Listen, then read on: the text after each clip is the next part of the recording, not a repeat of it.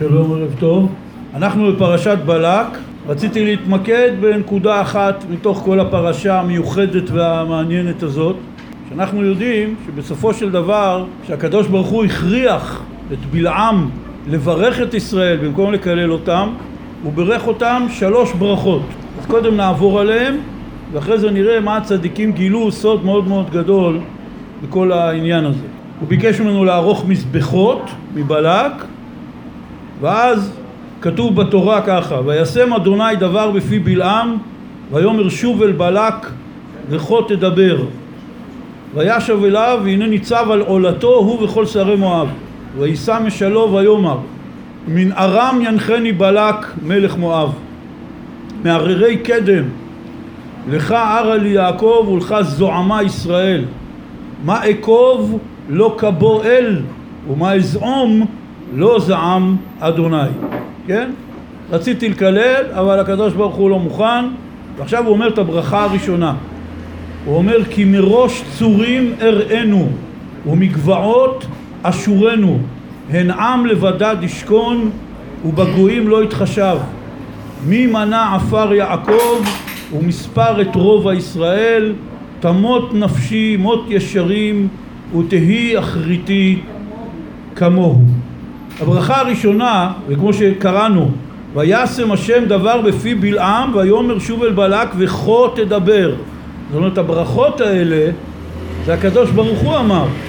הוא שם מילים בפה של בלעם, בעצם זה דיבור של הקדוש ברוך הוא, זה לא דיבור של אה, בלעם, כי הוא, הוא, הוא, הוא אומר לו וישם השם דבר בפי בלעם. זאת אומרת הדברים האלה שאנחנו קוראים עכשיו זה דיבורים שהקדוש ברוך הוא אמר. הברכה הראשונה כי מראש צורים אראנו ומגבעות אשורנו. מפרש רש"י אני מסתכל בראשיתם ובתחילת שורשיהם ואני רואה אותם מיוסדים וחזקים כצורים וכגבעות הללו על ידי אבות ואימהות. זה מה שהוא אומר. אומרים חז"ל מראש צורים הראינו, מה זה הצורים? הערים הרמים זה האבות ומגבעות אשורנו אלה האימהות. אברהם יצחק ויעקב שרה רבקה רחל ולאה. האבות והאימהות. אלה הצורים אלה הגבעות. אומר רש"י זה מדרש חז"ל במדרש תנחומה אני מסתכל בראשיתם ובתחילת שורשיהם ואני רואה אותם מיוסדים וחזקים כצורים וכגבעות. הללו על ידי אבות ואימהות מיוסדים וחזקים על ידי הצורים והגבעות שאלה האבות והאימהות. זאת הברכה הראשונה. ויאמר בלק אל בלעם מה עשית לי? לקוב אויבי לקחתיך והנה ברך. תברך ויען ויאמר הלא את, ישים, את אשר ישים אדוני בפי אותו אשמור לדבר בלק אומר לו טוב טוב עזוב בוא נלך למקום אחר אולי משם זה יצליח שתוכל לקלל אותם. שבעה מזבחות פר ועיל על כל מזבח אומר בלעם אומר לבלק התייצב כה על עולתך ואנוכי יקרא כה. ויקר אדוני אל בלעם וישם דבר בפיו ויאמר שוב אל בלק וכה תדבר. הנה עוד פעם הקדוש ברוך הוא אומר לו מה להגיד, הוא שם לו מילים בפה. ויבוא אליו בלעם אל בלק, והינו ניצב על עולתו ושרי מואב איתו. ויאמר לו בלק, מה דיבר אדוני? וישא משלו ויאמר, קום בלק, ושמע, האזינה עדי בנו ציפור, לא איש אל ויכזב, ובן אדם ויתנחם. ההוא אמר ולא יעשה, ודיבר ולא יקימנה הוא אומר מה אתה חושב? הקדוש ברוך הוא להתחרט על מה שהוא עושה? זה לא בן אדם שאתה יכול לשכנע אותו שישנה כיוון. הנה ברך לקחתי וברך ולא אשיבנה. ואז הוא נותן את הברכה השנייה. לא הביט אבן ביעקב ולא ראה עמל בישראל אדוני אלוהיו עמו ותרועת מלך בו מפרש רש"י מה פירוש לא הביט אבן ביעקב? אומר רש"י שכשהן עוברים על דבריו אינו מדקדק אחריהם להתבונן באוניות שלהם, כלומר בדברים הרעים שלהם, ובעמלן שהם עוברים על דתו. עמל לשון עבירה. השם אלוקיו עמו אפילו מכעיסין וממרין לפניו אינו זז מתוכן. ותרועת מלך בו אומר רש"י לשון חיבה ורעות. לא הביט אבן ביעקב גם כשהם עוברים על דתו גם כשעם ישראל עושה עבירות הקדוש ברוך הוא לא מדקדק אחריהם ולא ראה עמל בישראל הוא לא רואה את העבירות שלהם. השם אלוקיו עמו ותרועת מלך בו. אהבת המלך תמיד שורה בעם ישראל גם כאשר הם עוברים על המצוות שלו. הוא לא זז מתוכם. הוא תמיד אוהב אותם. הוא לא מסתכל על העבירות שלהם. הוא מלא אהבה כלפיהם. כי לא אל מוציאה ממצרים כתועפות ראם לו כי לא נחש ביעקב ולא קסם בישראל. כעת יאמר ליעקב ולישראל מה פעל אל? הן עם כלוי יקום. וכארי יתנשא לא ישכב עד יאכל טרף ודם חללים ישתה. עד כאן הברכה השנייה שבלעם מברך את עם ישראל על ידי זה שהקדוש מכריח אותו הקדוש ברוך הוא לברך את עם ישראל למרות שהוא הרשע רצה לקלל אותם ויען בלעם ויאמר ויאמר בלק אל בלעם גם קוב לא תיכוונו גם ברך לא תברכנו בואנה בוא נפסיק את העניין. אני עושה שבעה מזבחות שם פרים אלים מצפה שאתה תקלל את עם ישראל במקום זה אתה מברך עזוב כמו שאומרים לא מדובשך ולא מעוקצך אל תקלל אותם ואל תברך אותם עזוב ויען בלעם ויאמר אל בלק הלא דיברתי אליך לאמור כל אשר ידבר אדוני אותו אעשה. בלק אומר אתה יודע מה? בוא עוד ניסיון מה יכול להיות? ויאמר בלק אל בלעם נא אקחך אל מקום אחר אולי ישר בעיני האלוהים וכבותו לי משם. לקוב כבותו פירושו לקלל. ויקח בלק את בלעם ראש הפעור הנשקף על פני הישימון ויאמר בלעם אל בלק בנה לי בזה שבעה מזבחות ואכן לי בזה שבעה פרים ושבעה אלים ויעש בלק כאשר אמר בלעם ויעל פר ואיל במזבח. וירא בלעם כי טוב בעיני אדוני לברך את ישראל ולא הלך כפעם בפעם לקראת נחשים וישת אל המדבר פניו. כלומר בלעם עד עכשיו הוא שיתף פעולה עם בלק. הוא חיפש אולי יהיה איזה שינוי מהשמיים הוא יוכל לקלל. אבל הפעם אחרי שתי פעמים הוא ראה שזה לא טוב בעיני השם לא הלך כפעם בפעם כלומר הוא כבר פעמיים הלך לקראת נחשים ניחושים, כשפים. אמר אולי אם נעשה מזבחות אולי יעבוד משהו. אבל הפעם הוא כבר מפסיק. וישא בלעם את עיניו וירא את ישראל שוכן לשבטיו ותהי עליו רוח אלוהים וישא משלו ויאמר נאום בלעם בנו בעור ונאום הגבר סתום העין. נאום שומע אמרי אל אשר מחזה שדי יחזה נופל וגלוי עיניים. ועכשיו הוא אומר את הברכה. מה טובו אוהליך יעקב משכנותיך ישראל? כנחלים ניטיו כגנות עלי נהר כאוהלים נטע אדוני כארזים עלי מים יזל מים מדוליו וזרעו במים רבים וירום מאגג מלכו ותינשא מלכותו. אל מוציאו ממצרים כתועפות ראם לו. יאכל גויים צריו ועצמותיהם יגרם וחיציו ימחץ. קרא שכב כארי וכלוי מי יקימנו? מברכך ברוך ועורריך ארור. עד כאן שלוש הברכות שבלעם בירך את עם ישראל שאלה מילים של הקדוש ברוך הוא ראינו ברכה ראשונה כי מראש צורים אראנו ומגבעות אשורנו חז"ל, רש"י, מפרשים לנו, האבות והאימהות הם החוזק והיסוד של עם ישראל. הברכה השנייה, לא הביט אבן ביעקב ולא ראה עמל בישראל, השם אלוקיו עמו ותרועת מלך בו.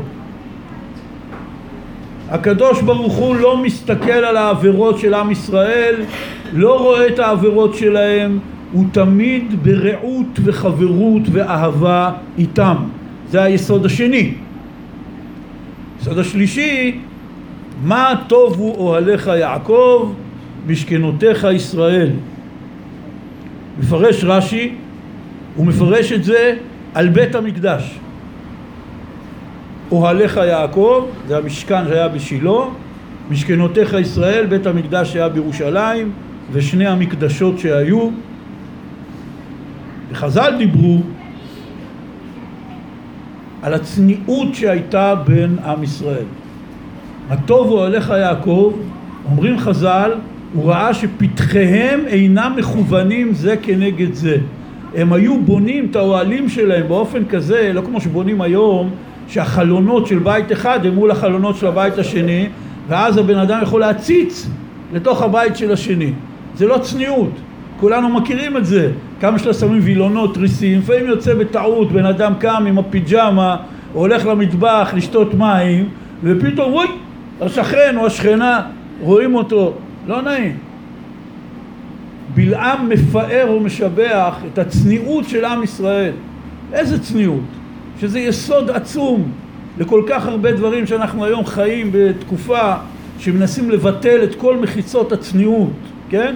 לא מצד צורת לבוש, לא מצד כל מיני דברים שמזעזעים שהם נגד התורה, שיוצאים מצעדים ברחובות, לא זה, לא רק זה. כל הרעיון היום של האינטרנט והרשתות החברתיות יצא מצב שאין שום פרטיות, אין שום אינטימיות. קודם כל, אנשים חושפים דברים של אחרים. אתה הולך ברחוב, לא יודע מה, מישהו עשה לך משהו, אתה קצת מתפרץ, מתחיל לצעוק עליו. ביום רגיל, בסוף הוא אומר לך, טוב, סליחה, התפרצתי, סלח לי, לא שלטתי בעצמי. היום לא. היום תוך חמש דקות הסרטון שלך צורח, זה בכל הפייסבוק, אחרי זה משדרים את זה במהדורת חדשות בטלוויזיה, אחרי זה מתחילים לכתוב מאמרים, הישראלי המכוער, האלים, יצאת מפלצת. אנשים מתאבדים בגלל זה. אבל לא רק זה, אנחנו בעצמנו, אנשים הולכים ומעלים לפייסבוק תמונות שלהם עם פיג'מות, עם הילדים שלהם.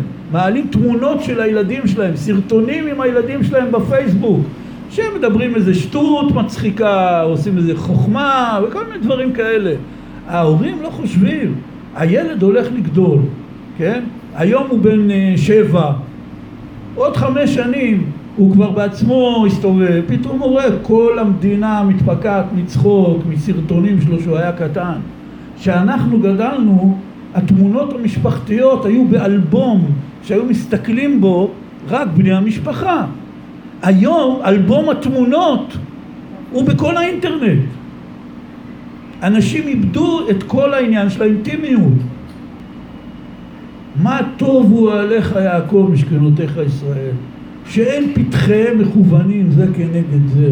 העיקרון המקודש של עם ישראל, מה ששייך לבית נשאר בבית. האינטימיות הזאת נותנת חוזק, כן? נותנת כוח. אנחנו רואים פה ששלוש הברכות שאמר בלעם בשם הקדוש ברוך הוא, שהוא בעצם אמר את הדיבורים האלה, הוא שם את דבריו בפיו. שלוש, שלושת הנקודות האלה מדברות על מקור לכוח,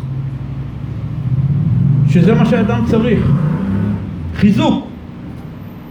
היום אפשר קוראים, מי שמתקרב ליהדות קוראים לו מתחזקים, נכון? למה קוראים לזה מתחזקים? הכוונה הוא מתחזק במצוות. כל היהדות באה לתת כוח לאדם. אנחנו רואים פה שבלעם כמה פעמים חוזר, עם ישראל זה כמו אריה. כמה פעמים. קרא כלביא וכארי מי יקמנו. כארי מי יתנסה. מה זה העניין הזה? העניין הזה מתחיל מה שחז"ל אמרו הווה גיבור כארי ועז כנמר ורץ כצבי לעשות רצון אביך שבשמיים. ככה מתחיל השולחן ערוך. אדם צריך כוח. ספר שולחן ערוך, ספר ההלכה של עם ישראל. מתחיל במילה יתגבר. ככה זה מתחיל. יתגבר כארי לעבודת בוראו שיהא הוא מעורר השחר זה המשפט הראשון בספר שולחן ערוך. יתגבר כארי לעבודת בוראו שיהיה הוא מעורר השחר. הברכה של יהודי הדרך שלו לתפקד בעולם כדי לעבוד את בוראו זה על ידי התגברות כארי. התגברות על מה? כתוב שם בהמשך. היצר מסית אותך להישאר לשכב לישון אתה צריך לעורר את עצמך להתגבר כארי, לקום. והביטוי הזה התגבר כארי לעבודת בראש יום ובשחר זה לקוח מכאן מהברכה של בלעם. דרך העולם ודרך החיים ודרך היצר ודרך הפינוק ודרך העצלות זה להחליש את האדם המשפט שמסמל יותר מכל היום את הנוער והילדים שעל כל דבר שאתה מבקש ממנו אומר לך אין לי כוח. וזה גם מה שאנחנו אומרים לעצמנו.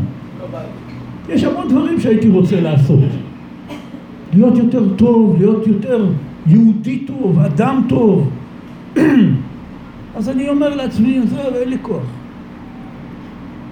לכן שולחן ערוך מתחיל במילה התגבר אם אדם לא מגלה בתוך תוכו את מקור הכוח הוא נחלש. הנשמה נחלשת. ואין לה כוח לעשות שום דבר. כמו הגוף. אם לא תאכל הגוף נחלש. בן אדם לא אכל יום שלם קשה לו לתפקד. הגוף נחלש. לפעמים אדם אוכל יותר מדי והגוף נחלש. לפעמים אדם אוכל אוכל מקולקל והגוף נחלש. עולה לו החום, הוא לא מרגיש טוב. ככה זה בדיוק הנשמה. הזוהר הקדוש אומר יש מזונה דגופה ויש מזונה דנשמטה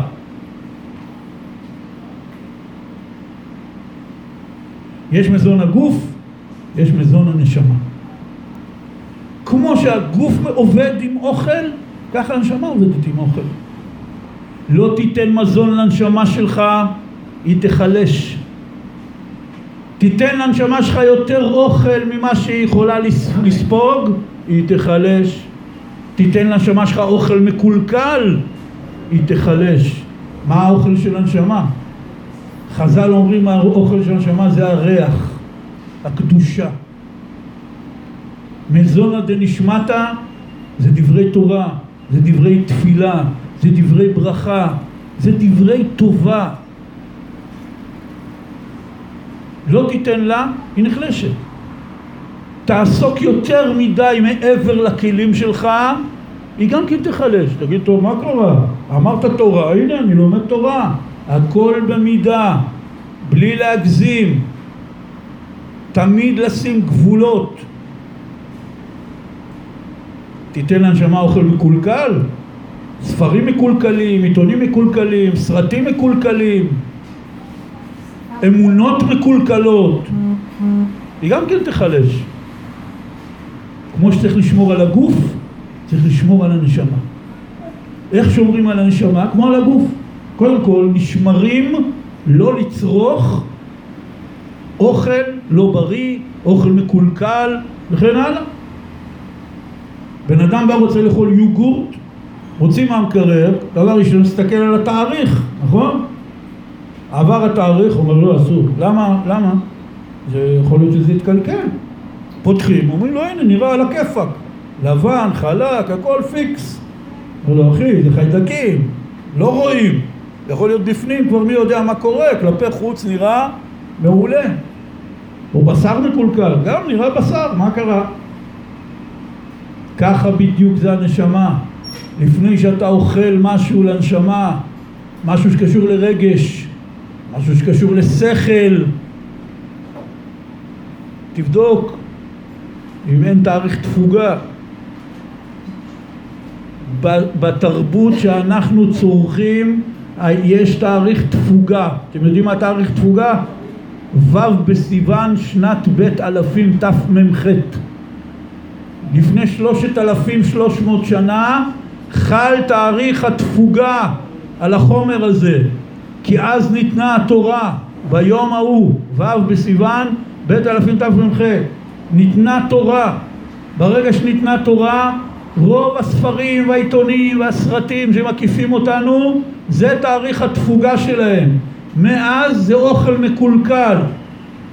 אתה אומר טוב מה גם ההוא שיאכל את היוגורט הוא לא ימות נכון? הוא אוכל טעים לו הכל בסדר אחרי חצי שעה כאבי בטן ישר למיון. אותו דבר זה עם אוכל מקולקל לנשמה. אני רואה, צופה, צורף, בסדר, מה קרה? חכה. לא חצי שעה, חצי שנה. פתאום יעלו לך זיכרונות מזה, זה ייקח אותך למקומות לא טובים בראש צריך לשמור על הנשמה כמו על הגוף, להישמר מאוכל מקולקל ומזיק. דבר שני, להישמר לצרוך מזון של הנשמה במידה הראויה. באים אנשים, מתעניינים ביהדות, עוד לא יודעים לקרוא פסוק עם רש"י ולהבין מה רש"י אומר. אני לא מדבר על פרק משניות, שלא לדבר על דף גמרא, זה סינית. הוא הולך ללמוד קבלה הקבלה שאתה לומד, תורת אמת. אין לך כלים בשביל זה. אתה תצרוך את זה, זה יגרום לך נזקים. אתה אומר איך יכול להיות? זה תורה, זה קדוש. תורה וקדוש. כתוב בתורה ושמתם את דבריי אלה על לבבכם כלומר שימו את התורה על לבבכם. דורשים חז"ל אל תקרא ושמתם אלא ושמתם. אומרים חז"ל מי שזכה התורה נהיית לו סם חיים. מי שלא זכה התורה נהיית לו סם המוות. יש בתורה שני כוחות. מי שלא זכה, מי שלא לומד בדרך הנכונה התורה הופכת להיות לו סם המוות זה כמו כל סם המוות. לקחת מיליגרם הבן אדם מתחיל לפרפר. תן לו עוד מיליגרם לפרכס. תן לו עוד מיליגרם הוא ימות. כלומר כל מה שהוא יותר צורך את סם המוות זה מזיק לו יותר. אדם שלומד תורה בדרך של סם המוות כמה שהוא לומד יותר התורה יותר מזיקה לו. ככה אמרו חז"ל. אז התורה היא קדושה, אבל איך הכלי?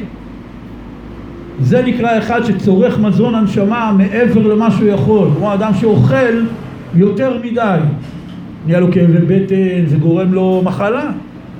והדבר השלישי, אמרנו, לא לצרוך אוכל מקולקל, לא לאכול יתר על המידה, הדבר השלישי, לא לאכול בכלל. בן אדם מרעיב את הנשמה שלו, הנשמה נחלשת. מה קורה כשהנשמה נחלשת?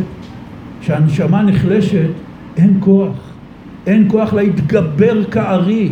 הרי זאת המילה הראשונה בשולחן ערוך, זו הגדרה של היהדות. יש אנשים מוכרים לאנשים את היהדות כאילו חפיף אחי, מה קרה? מניחים תפילין, שומרים מצוות, שומרים שבת, שרים זמירות שבת, מדליקים נרות, הכל סבבה. זה לא נכון. להיות יהודי זה משימה לוחמנית. יתגבר, זו המילה הראשונה. צריך כוח, יתגבר כארי. בלעם מברך את עם ישראל, כעם יש בנו כוחות על אנושיים.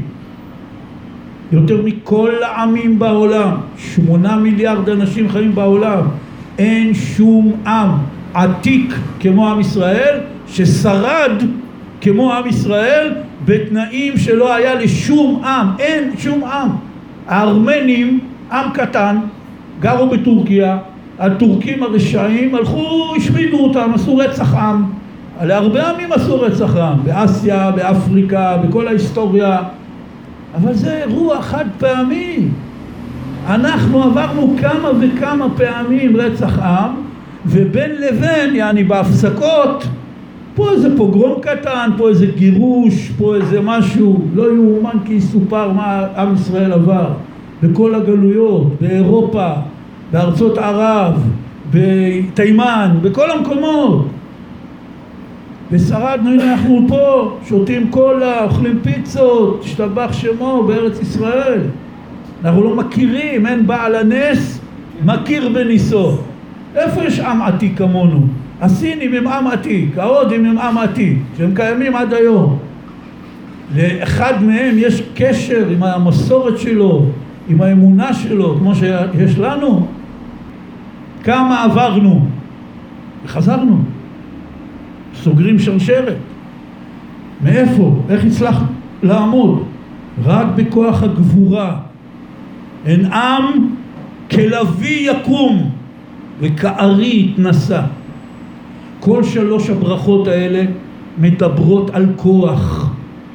הברכה הראשונה, כי מראש צורים אראנו מגבעות אשורנו. אומר רש"י מיוסדים וחזקים בזכות האבות והאימהות. בזכות הראשית שלהם, השורש שלהם.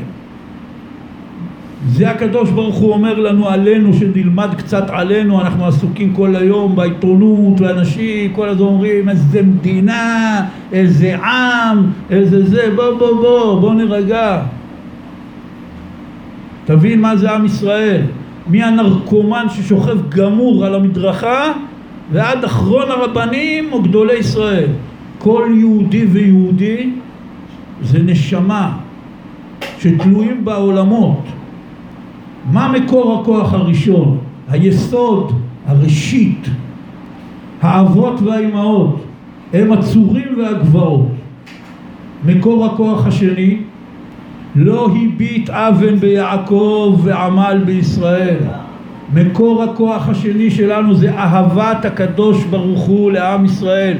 הוא תרועת מלך בו, אומר רש"י, תרועת, לא מלשון תרועה בשופר או בחצוצרה, אלא מלשון רעות. יש לנו חיבור עם הקדוש ברוך הוא. זה מקור הכוח השני, שהוא מתעלם מהעבירות שלנו. לא הביט אבן ביעקב, אבן זה רוע. בן אדם עושה רוע, הקדוש ברוך הוא לא מביט בזה. ועמל בישראל, רואה עמל, רואה עוונות, רואה הכל, לא רואה, ככה רש"י כותב, לא רואה. נשאר מחובר, אוהב לעם ישראל. זה מקור הכוח השני. מקור הכוח הראשון, האבות והאימהות. מקור הכוח השני, הקדוש ברוך הוא. מקור כוח שלישי, מה טוב הוא עליך יעקב משכנותיך ישראל. האבות והאימהות, אנחנו סומכים עליהם. הם עשו, היו צדיקים וצדיקות, וזה שאנחנו בניהם, אנחנו ההמשכיות שלהם, זה נותן לנו כוח. אז זה לא אנחנו עושים, אנחנו מקבלים, נכון? מקור הכוח השני, לא הביט אבן ביעקב, זה הקדוש ברוך הוא. אנחנו עושים אבן ועמל ועושים עבירות ומשתובבים, אבל הקדוש ברוך הוא לא מסתכל. אז הכוח הוא מהקדוש ברוך הוא, זה לא אנחנו עושים, הפוך, זה למרות מה שאנחנו עושים.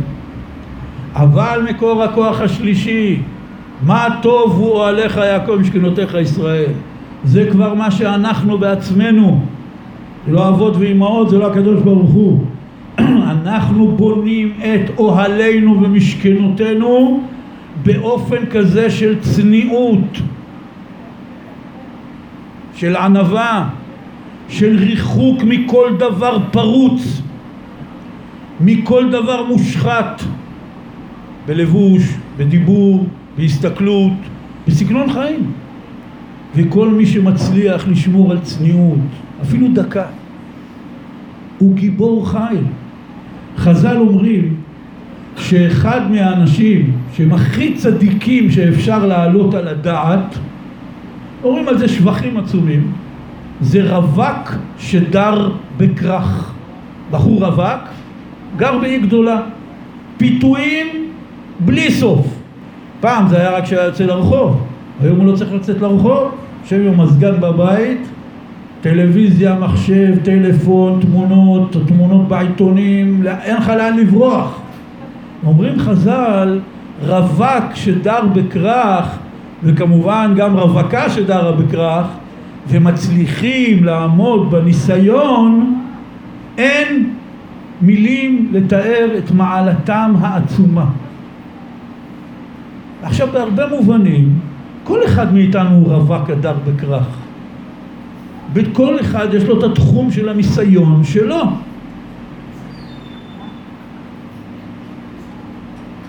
הרי אמרו חז"ל, משל לאדם שנטל את בנו ונתן לו כיס של מעות בצווארו, תלה לו על הצוואר ארנק עם כסף והושיבו בפתח קובה של זונות. הושיב אותו בפתח של בית זונות עם ארנק מלא כסף. אומרים חז"ל מה יעשה הבן ולא יחטא?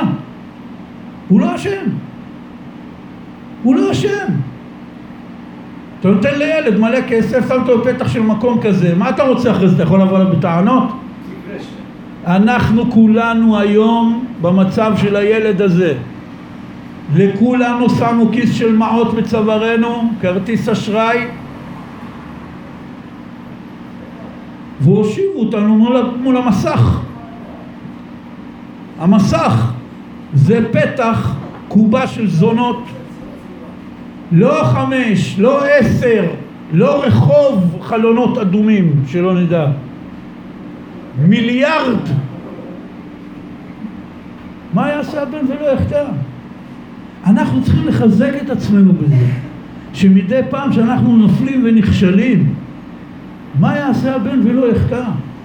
ניסיונות כאלה שאי אפשר לתאר, אי אפשר לתאר. והקדוש ברוך הוא יודע את הניסיונות האלה. לכן כל דקה, כל פינה שאני בכל זאת מצליח לשמור על הצניעות עוד פעם, לא רק במובן של איך אני מתלבש, איך אני מדבר, או לאן אני מסתכל, אלא במובן הזה שמה ששייך לבית, למקום הנחבא, למקום הנסתר, נשאר שם. אני לא נסחף. בסגנון, אני לא צריך להגיד לכם. היום בני אדם, כל מילה שלישית שלהם זה ניבול פה.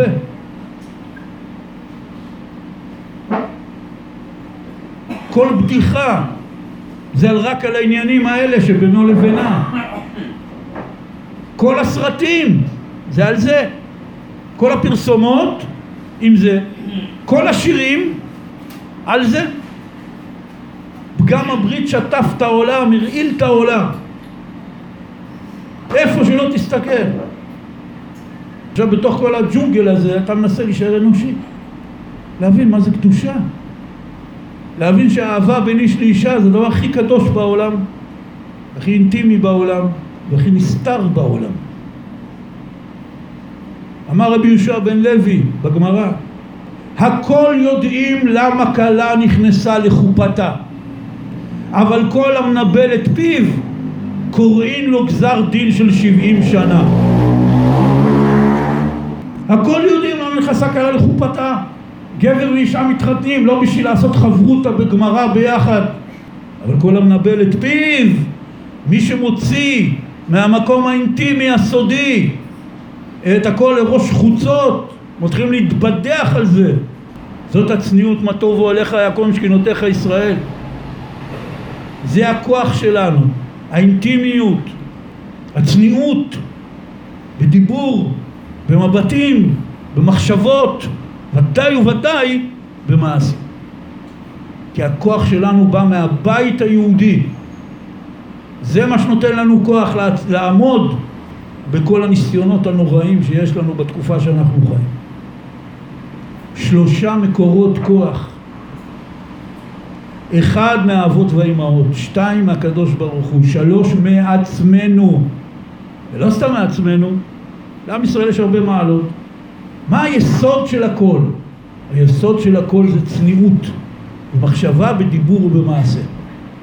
לייצר בית יהודי שהכוח שלו, הצניעות שבו, האצילות שבו, הנקיות שבו, הרמב"ם כותב שלשון הקודש זה השפה היחידה בכל השפות שאין בה מילים לאיברים מוצנעים בגוף. בעברית כל המילים שמשתמשים כדי לתאר את זה, אפילו בתורה, זה מילים בהשאלה. אין מילים גסות בעברית, בלשון הקודש. אין מילה גסה. נקיות, אצילות, צניעות, זה מקור הכוח. הקדוש ברוך הוא הביא לנו את זה במסובבת. הביא את המכשף הכי גדול בעולם, שונא ישראל, רשע מרושע, שהיה בעל אתונו. האתון שלו אומרת לו, השכל הסכנת? אומרים חז"ל, היא אומרת לו, אתה לא מתבייש? אנחנו מקיימים נכסים באופן קבוע, פתאום אתה נותן לי מכות? היה בעל אתונו, פושע, אחרי שהוא נכשל בקללות פה, הוא הלך ונתן למדיין עצה, אמר להם תכשילו אותם בפגם הברית. הקימו המדיינים שהיו סוחרים, הקימו שוק, יריד, אוהלים, בסטות, מוכרים דברים. בני ישראל באים לקנות, כמה זה עולה? ככה וככה. אומרת לו המוכרת, יש לי בפנים סחורה הרבה יותר טובה. זה כאילו אני שומרת ללקוחות VIP. אני יכול לראות? כן, כן, בוא. מכניסה אותו לאוהל, מפתה אותו, וככה נפלו עם ישראל בבנות מדיין. פעם ראשונה בהיסטוריה של עם ישראל, נעוף מאורגן. זה היה עצה של בלעם. אמר להם בכללו, דרך הקדוש ברוך הוא לא הצלחנו, בואו נפיל אותם במה שמפילים בני אדם. הרי עד היום עושים את זה, אם זה בעסקים או בריגול, נכון? מפילים אנשים בתאווה הזאת, מקסימים אותו עם איזה אישה ואוכלים אותו. זה מה שהם עשו, המדיינים עשו לעם ישראל. משה רבנו יצא למלחמה נגד מדיין על הדבר הזה, במלחמה הזאת הרגו את בלעם, שהוא היה בעל העצה. הקדוש ברוך הוא לקח מכשף, רשע מרושע, אבל מסוכן מאוד, שכוחו בפיו, ככה אומרים חז"ל. בהתחלת הפרשה בלק אומר לו, ידעתי את אשר תאור יואר, ואשר ת, ת, תברך מבורך. מי שאתה מקלל אותו, הוא מקולל. מי שאתה מברך אותו, הוא מבורך. אז יאללה בוא נשלם לך על זה, והוא כל הזמן שיחק איתו שם על הכסף, בלעם. בסוף הביא אותו, הקדוש ברוך הוא הציל, בהפטרה של השבת, בנביא מיכה. הקדוש ברוך הוא אומר לעם ישראל, עמי, זכור נא מה יעץ עליך בלק. הרי כל מה שסופר פה בפרשה, בניגוד לכל שאר הפרשות, שפה יש לנו דיווח מעבר לגבול. תחשבו רגע, כל מה שמתואר על בלק ובלעם, אף אחד מעם ישראל בכלל לא ידע שזה קורה, נכון? בלק הביא אותו באיזה גבעות רחוקות, עשו מזבחות, בלעם עומד מרחוק, מקלל אותם. עם ישראל עוסק בעסקים שלו, חי את החיים שלו, הוא לא יודע מה קורה. אומר הקדוש ברוך הוא, מאחרי הגב, קם לכם האויב הכי מסוכן שהיה. ואני הצלתי אתכם ממנו ואתם יודעים מזה רק מה שכתוב בתורה. באותו זמן לא ידעתם. אחר כך הוא בא להם עם העצה הזאת. ודרך המכשף הזה, הרשע מרושע, שונא ישראל, הקדוש ברוך הוא הכריח אותו להגיד את הברכות הכי נפלאות על עם ישראל. כשהקראתי את הפסוקים, שמעתי פה כמה אנשים אומרים את זה בעל פה. זה פסוקים כל כך מפורסמים. הפסוק מה טובו אליך הכל בשבילותיך ישראל בנוסח אשכנז זה הפסוק הראשון שאומרים תמיד בכל יום שנכנסים לבית כנסת בתפילת שחרית. חז"ל רצו להכניס את ברכת בלעם לתוך נוסח התפילה, ככה כתוב בגמרא. עד כדי כך זה פסוקים חשובים. כי זה לא ברכת בלעם, זה הקדוש ברוך הוא שם בפיו. זה מילים של הקדוש ברוך הוא. כל כך יסודיות, השלוש ברכות האלה. ומדברות על שלוש הנקודות. אבל הכותרת של הכל, אחי, אל תגיד אין לי כוח. אתה תיחלש, אתה תקבע. מה ההבדל עם הגוף? הגוף מתחיל להיחלש, ואדם ישר רץ לאכול. זה לא עוזר, הוא רץ לרופא. ואדם נבהל, נכון? הוא לא מרגיש טוב. מפסיק את כל העניינים שלו. לא מרגיש טוב, חייב לטפל בזה. ללכת לרופא, להתפלל, להגיד תהילים, משהו. אבל כשהנשמה נחלשת, האדם ממשיך, מבסוט. יושב, רואה סרט, אוכל פופקורן, אוכל במבה, אוכל פיצוחים, מבסוט מהחיים, תאמין לי, החיים הטובים. הנשמה שלך עכשיו נחלשת. על הגוף, האדם אומר, לא מרגיש, הוא לא מרגיש טוב, הוא אומר, אני לא מרגיש טוב. בנשמה הוא לא מרגיש. רק פתאום מתחיל לצוץ תופעות לוואי. דיכאון, בדידות, ריקנות, חוסר טעם בחיים. הוא כבר יוצא לו לדבר עם מישהו, עם אימא שלו, חבר שלו, אומר, לא יודע מה קורה לי, תאמין לי, אין לי חשק לכלום, איבדתי את הטעם בחיים.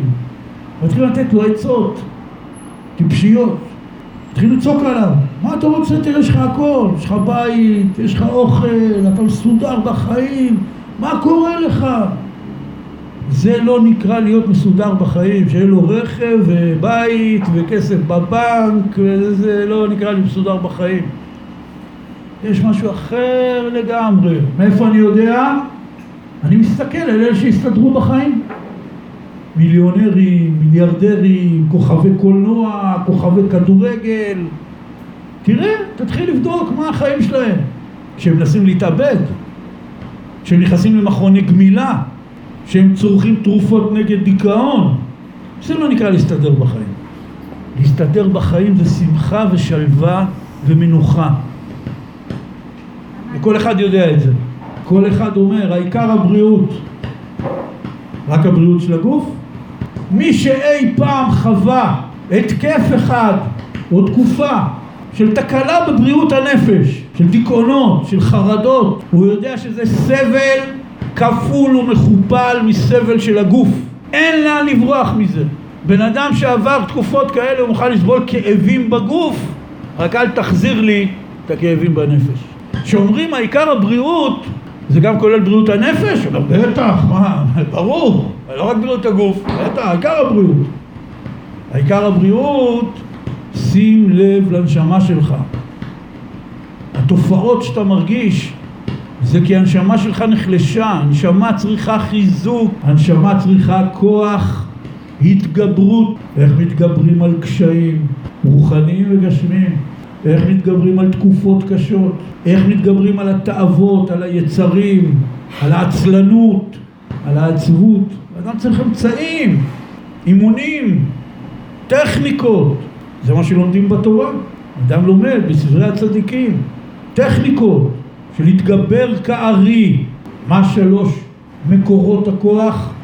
זה לא רק עם ישראל באופן כללי, שהקדוש ברוך הוא שם בפיו של בלעם על שלושת מקורות הכוח של עם ישראל, האבות והאימהות, אהבת הקדוש ברוך הוא וההקפדה של עם ישראל על צניעות ואצילות ונקיות. זה גם הולך על כל אדם פרטי. עצה ישר מהפה של בלעם, דברי הקדוש ברוך הוא, עצה לכל אחד ואחד מאיתנו.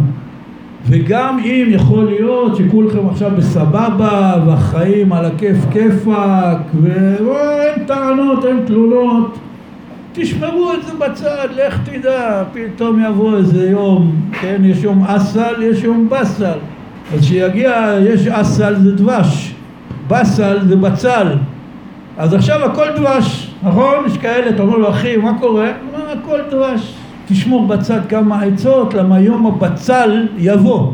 לאחל לך שזה לא יהיה יום, שיהיה רק שעה, אבל זה יבוא. יום הבצל מגיע, שלא תהיה אז בהלם, אלא אתה אומר, אה שנייה, רק שנייה, רק שנייה, תמתין שנייה בצל, למה אני יש לי פה במגירה כמה עצות. ופה באופן כללי, הלימוד שאנחנו לומדים, תתחזק ביסוד ובראשית שלך, באבות והאימהות. אל תשכח מי אתה. זה כוח. במשנה כתוב, מסכת אבות, כל מי שיש לו עין רעה ורוח גבוהה ונפש רחבה מתלמידיו של בלעם הרשע. כל מי שיש לו עין טובה ורוח נמוכה, שפלה, ונפש נמוכה. מתלמידיו של אברהם אבינו. משנה מפורסמת. שואלים המפרשים, למה העמידו פה את אברהם מול בלעם? מה אברהם עושה פה בכלל? היה יותר הגיוני, יגידו תלמידיו של משה רבנו, נכון? משה ובלעם היו אחד מול השני. משה מנהיג את עם ישראל, בלעם בא זה, חז"ל אומרים, למה בלק קרא לבלעם? הוא התחיל לעשות תחקיר ביטחוני.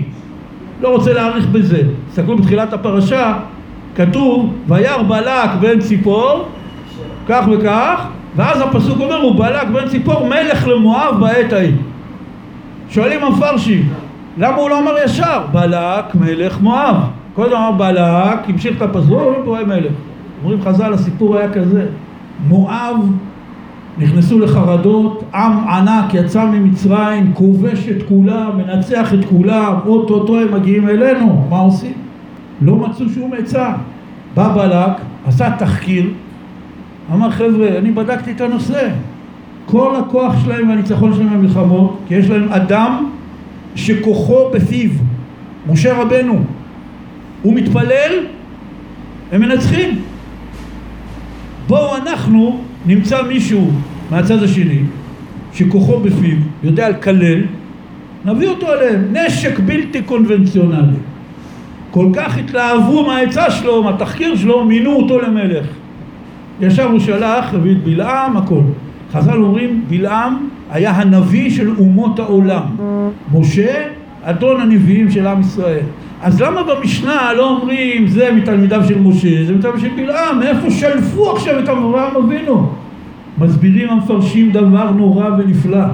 בלק אומר לבלעם, ידעתי את אשר טהור יואר ואשר תברך מבורך. בדיוק אותם מילים הקדוש ברוך הוא אמר לאברהם אבינו, מקלליך האור וברכיך אברך ונברחו בך כל משפחות האדמה. זה היה הכוח של אברהם אבינו. אברהם אבינו היה ברכה של העולם, בלעם היה הקללה של העולם. לכן הם אמרו תלמידיו של אברהם אבינו מול תלמידיו של בלעם הרשע. אברהם אבינו באים אליו המלאכים מגלים לו, הקדוש ברוך הוא אומר, אני לא אסתיר מאברהם, אנחנו הולכים להפוך את סדום ועמורה, רשעים מרושעים. מה אברהם אבינו עושה? ריבונו של עולם, סלח לי שאני אומר, בוא, אולי יש עוד חמישים צדיקים, אולי יש ארבעים, אולי שלושים, אולי עשר. הוא שומע שיש עם רחוק ממנו, אויבים שלו, רשעים מרושעים. הוא שומע שהולך להיות עליהם גזרה, הוא ישר נחלץ לעזרתם. בלעם בדיוק ההפך. מגיע אליך בן אדם, אומר לך יש עם יצא ממצרים, מה לך ולהם בכלל? וישר הולך לקלל. הוא הרוע בהתגלמותו. אברהם אבינו, החסד בהתגלמותו. לכן זה אברהם מול בלעם. עין רעה, רוח גבוהה. מתנפח, נפש רחבה, רוצה לאכול את כל העולם. כל מה שהוא רואה, הוא רוצה. זה מתלמידיו של בלעם הרשע. תלמידיו של אברהם אבינו, בדיוק ההפך. עין טובה, רוח נמוכה, נפש שפלה, ענווה, צניעות. אז גם כאשר אני נופל ואני מגיע למקומות לא טובים, במחשבה, בדיבור, במעשה, אני צריך כוח. מקור הכוח הראשון, תזכיר לעצמך מאיפה אתה בא. מיוסדים וחזקים מראשיתם ושורשם על ידי האבות והאמהות, ככה רש"י אומר. יש כוח. לפעמים בא בן אדם, תופס מישהו, עושה מעשים שלא יעשו, ההוא כזה יש לו פדיחה, מתבייש, אומר אל תראו אותי ככה, תדע לך סבא שלי היה רב גדול, זה כוח. הוא עושה מעשים לא טובים, מוכן להרוג מישהו שלא יספר לאימא שלו, לסבתא שלו. למה הוא יודע שהאמת זה האימא שלו הצדיקה והצנועה והיראת שמיים, זאת האמת. מה שהוא עושה, הוא יודע שזה רע, זה שקר, הוא לא מצליח להתגבר על עצמו. אבל איך אומרים, אל אימא, אל תערב הורים, נכון? במריבות. אחד מתחיל לקלל את ההורים, הוא אומר, אל תערב הורים. עליי תגיד מה שאתה רוצה, להתמודד, אתה מערב את ההורים שלי, פסק דין מוות. זה הכוח של השורש. אז כל אחד מאיתנו צריך לזכור מאיפה הוא מגיע. אנחנו בני אברהם, יצחק ויעקב, שרה, רבקה, רחל ולאה. זה נותן כוח. השורש שלי הוא טוב. עכשיו צמח העץ ויש התרחשויות בעייתיות בהמשך, אבל השורש נשאר תמיד חזק. זה מקור הכוח הראשון שנותן כוח להתגבר, להמשיך הלאה. מקור הכוח השני, זאת אומרת, תראה, אני מלא עבירות,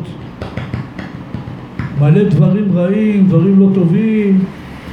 אחי, הקדוש ברוך הוא אוהב אותך. הקדוש ברוך הוא לא מסתכל על זה. לא הביט אבן ביעקב ולא ראה עמל בישראל. הקדוש ברוך הוא עוצם עיניים כביכול. אני אגיד לך מאיפה הבאת את זה עכשיו? מאיפה הבאתי את זה? מהחומש. פסוק מפורש, לא הביט אבן ביעקב, לא ראה עמל בישראל. רש"י אומר, לא מסתכל על העבירות שלהם, ולמרות שהם עושים עבירות, לא זז מתוכן.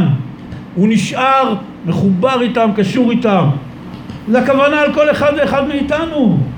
גם אם אני עושה עבירות, גם אם נפלתי בדברים מכוערים, דברים לא טובים, אני חייב לחזק ולרענן את האמונה שהקדוש ברוך הוא אוהב אותי בדיוק אותו דבר. הוא לא עוזב אותי ולא יעזוב אותי. לא הביט אבן ביעקב. אני בתור בן אדם, בשר ודם אם יש מישהו שעשה לי עוול הוא גמר אצלי את הקריירה. הוא אומר אולי אני אביא אותו, תעשו שולם הוא אומר לך לא מסוגל להסתכל לו בפנים על מה אתה מדבר עזוב אל תראה לי אותו כי אנחנו בני אדם, הקדוש ברוך הוא לא ככה זה מקור הכוח השני.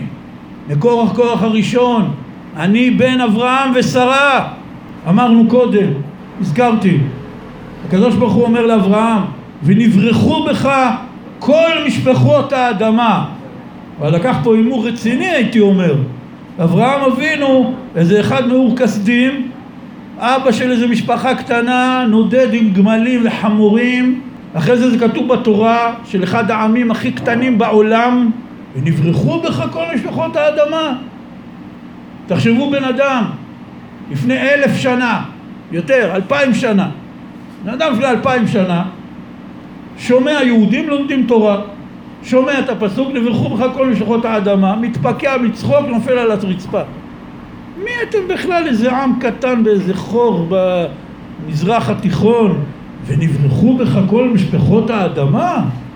הרי כולם מודים, גם הכופרים הכי גדולים מודים, שהפסוק הזה בתורה נמצא בידינו הרבה יותר מאלפיים שנה, נכון? הוויכוח מהו? זה כן מאלוקים, זה לא מאלוקים, כופרים בתורה מן השמיים, אבל החומש כמו שהוא עם הפסוק ולכל כל שפיכות האדמה הוא קיים מאז שעם ישראל היה עם קטן שגר בארץ ישראל שהיו בו לפי החוקרים לא יותר משני מיליון אנשים ונכבש על ידי הרומאים. עכשיו בואו נחזור ל-2019. כמה מוסלמים יש בעולם? מיליארד וחצי, לא, שתי מיליארד. איך אברהם אבינו נקרא אצל המוסלמים? אל חליל, האהוב. האדם שאללה אהב אותו יותר מכולם. הם מתפארים בו. כל הקוראן שלהם אומר, אבא שלנו זה אברהם, רק כל מה שכתוב בתורה הם הפכו. היה עקדת ישמעאל, שטויות והבלים שלא יאומן כי יסופר. הם, הם מתברכים באברהם אבינו, הם מנפנפים בו. יותר מזה, שינו את כל ההיסטוריה ואת כל מה שכתוב בתורה, שישמעאל היה הבן האהוב, ואותו הוא עקד, וכל מיני שטויות שמוחמד המציא. אבל מה אנחנו רואים? ונברחו בך כל משפחות האדמה. מיליארדים אנשים מתברכים באברהם אבינו הנבואה התקיימה הברכה התקיימה ואנחנו עיוורים לא שמים לב איזה פיצוץ לפני אלפיים שנה מי היה מאמין בכלל תורה כתובה בעברית אף בן אדם בעולם חוץ מעם ישראל לא דיבר עברית בכלל מה זה? כל משפחות האדמה לא פחות לא פחות כל העולם כולו זה רק המוסלמים מה עם הנוצרים? אברהם אבינו. כולם זה משחרר העבדים בארצות הברית, איך קראו לו? אברהם לינקולן. קוראים לילדים שלהם שם אברהם. אברהם אבינו הוא סמל בכל התרבות האנושית. לחסד, להכנסת אורחים, לזה שהוא היה האדם הראשון בעולם שהאמין בקדוש ברוך הוא. אבי המאמינים, ככה קורא לו הרמב"ם. אבי המאמינים. ונברחו בך כל משפחות האדם הזה. פסוק קטן בספר בראשית, ובואו נודה לאמת, גם אנחנו, שמגיע פרשת שבוע, הפרשה הזאת, לומדים את זה בחומש, שומעים את זה בקריאת התורה, ותוך כדי זה מעיינים בזה עלון לשבת. לא מתרגשים. הרי בן אדם שקוראים בתורה ונברכו על כל משפחות האדמה, צריך לעשות ריקודים ומחולות. צריך סמינרים להוכיח את התורה. קח את הדבר הקטנצ'יק הזה, שאין שום חולק שהתורה, הפסוק הזה בתורה היה כתוב בספרי התורה של עם ישראל, כשעם ישראל היה קטנצ'יק פצפון שאף אחד לא ספר אותו. לא ספר אותו. וזה התקיים. היום זה נראה לנו נורא טבעי. כולם מדברים, אברהם אבינו. אני רוצה שתדעו, הדת ההודית, שהיא דת מאוד עתיקה, אלפי שנים, לפי ההיסטוריה שלהם, האל שלהם הראשון, קראו לו, למרות שאסור להגיד שם עבודה זרה, אבל פה בשביל העניין נגיד את זה, קראו לו ברהמה. זה אותיות אברהם. איך קראו לאשתו? סרסואטי. מי שיבדוק את הדברים האלה בוויקיפדיה ומקורות, הוא נשאר עמום. הוא אומר, שמע, מה קורה פה? אבל זה בהודו. הם לפני ארבעת אלפים שנה. מאיפה הם קיבלו את השמות האלה? מה, מה קורה פה? ונברחו בך כל משפחות האדמה. הם לקחו את אברהם, עשו ממנו אל. איך זה הגיע? רש"י מפורש. כתוב שנולדו לאברהם אבינו עוד ילדים, ויתן להם מתנות, וישלח אותם ארץ בני קדם. ככה כתוב בתורה. מה זה קדם? בעברית? מזרח. שלח אותם למזרח. בדיוק באותו זמן בהיסטוריה הופיעו בהודו, זה ההיסטוריה ההודית, תקראו באנציקלופדיות, הופיעו בהודו, הם לא היו בני המקום, הופיעו בהודו אנשים שההודים קוראים להם אברהמינים, הכל עובדות היסטוריות פשוטות שאין עליהן שום חולק ונברחו בך כל משפחות האדמה, לא רק הנוצרים, לא רק המוסלמים. זה אתה אומר, תשמע, הם שמעו על התנ"ך, שמעו על התורה, העתיקו משם כל מיני דברים. זה אנשים הכי רחוק מהיהדות שאפשר, עבודה זרה, שני קווים מקבילים שלא ייפגשו לעולם, עתיקים כמונו לפני ארבעת אלפים שנה, ונברחו בך כל משפחות האדמה. בכל מקרה, התגשמה הנבואה. עכשיו אתה מבין בין לאיזה עם אתה? אתה ההמשך הישיר של אברהם אבינו.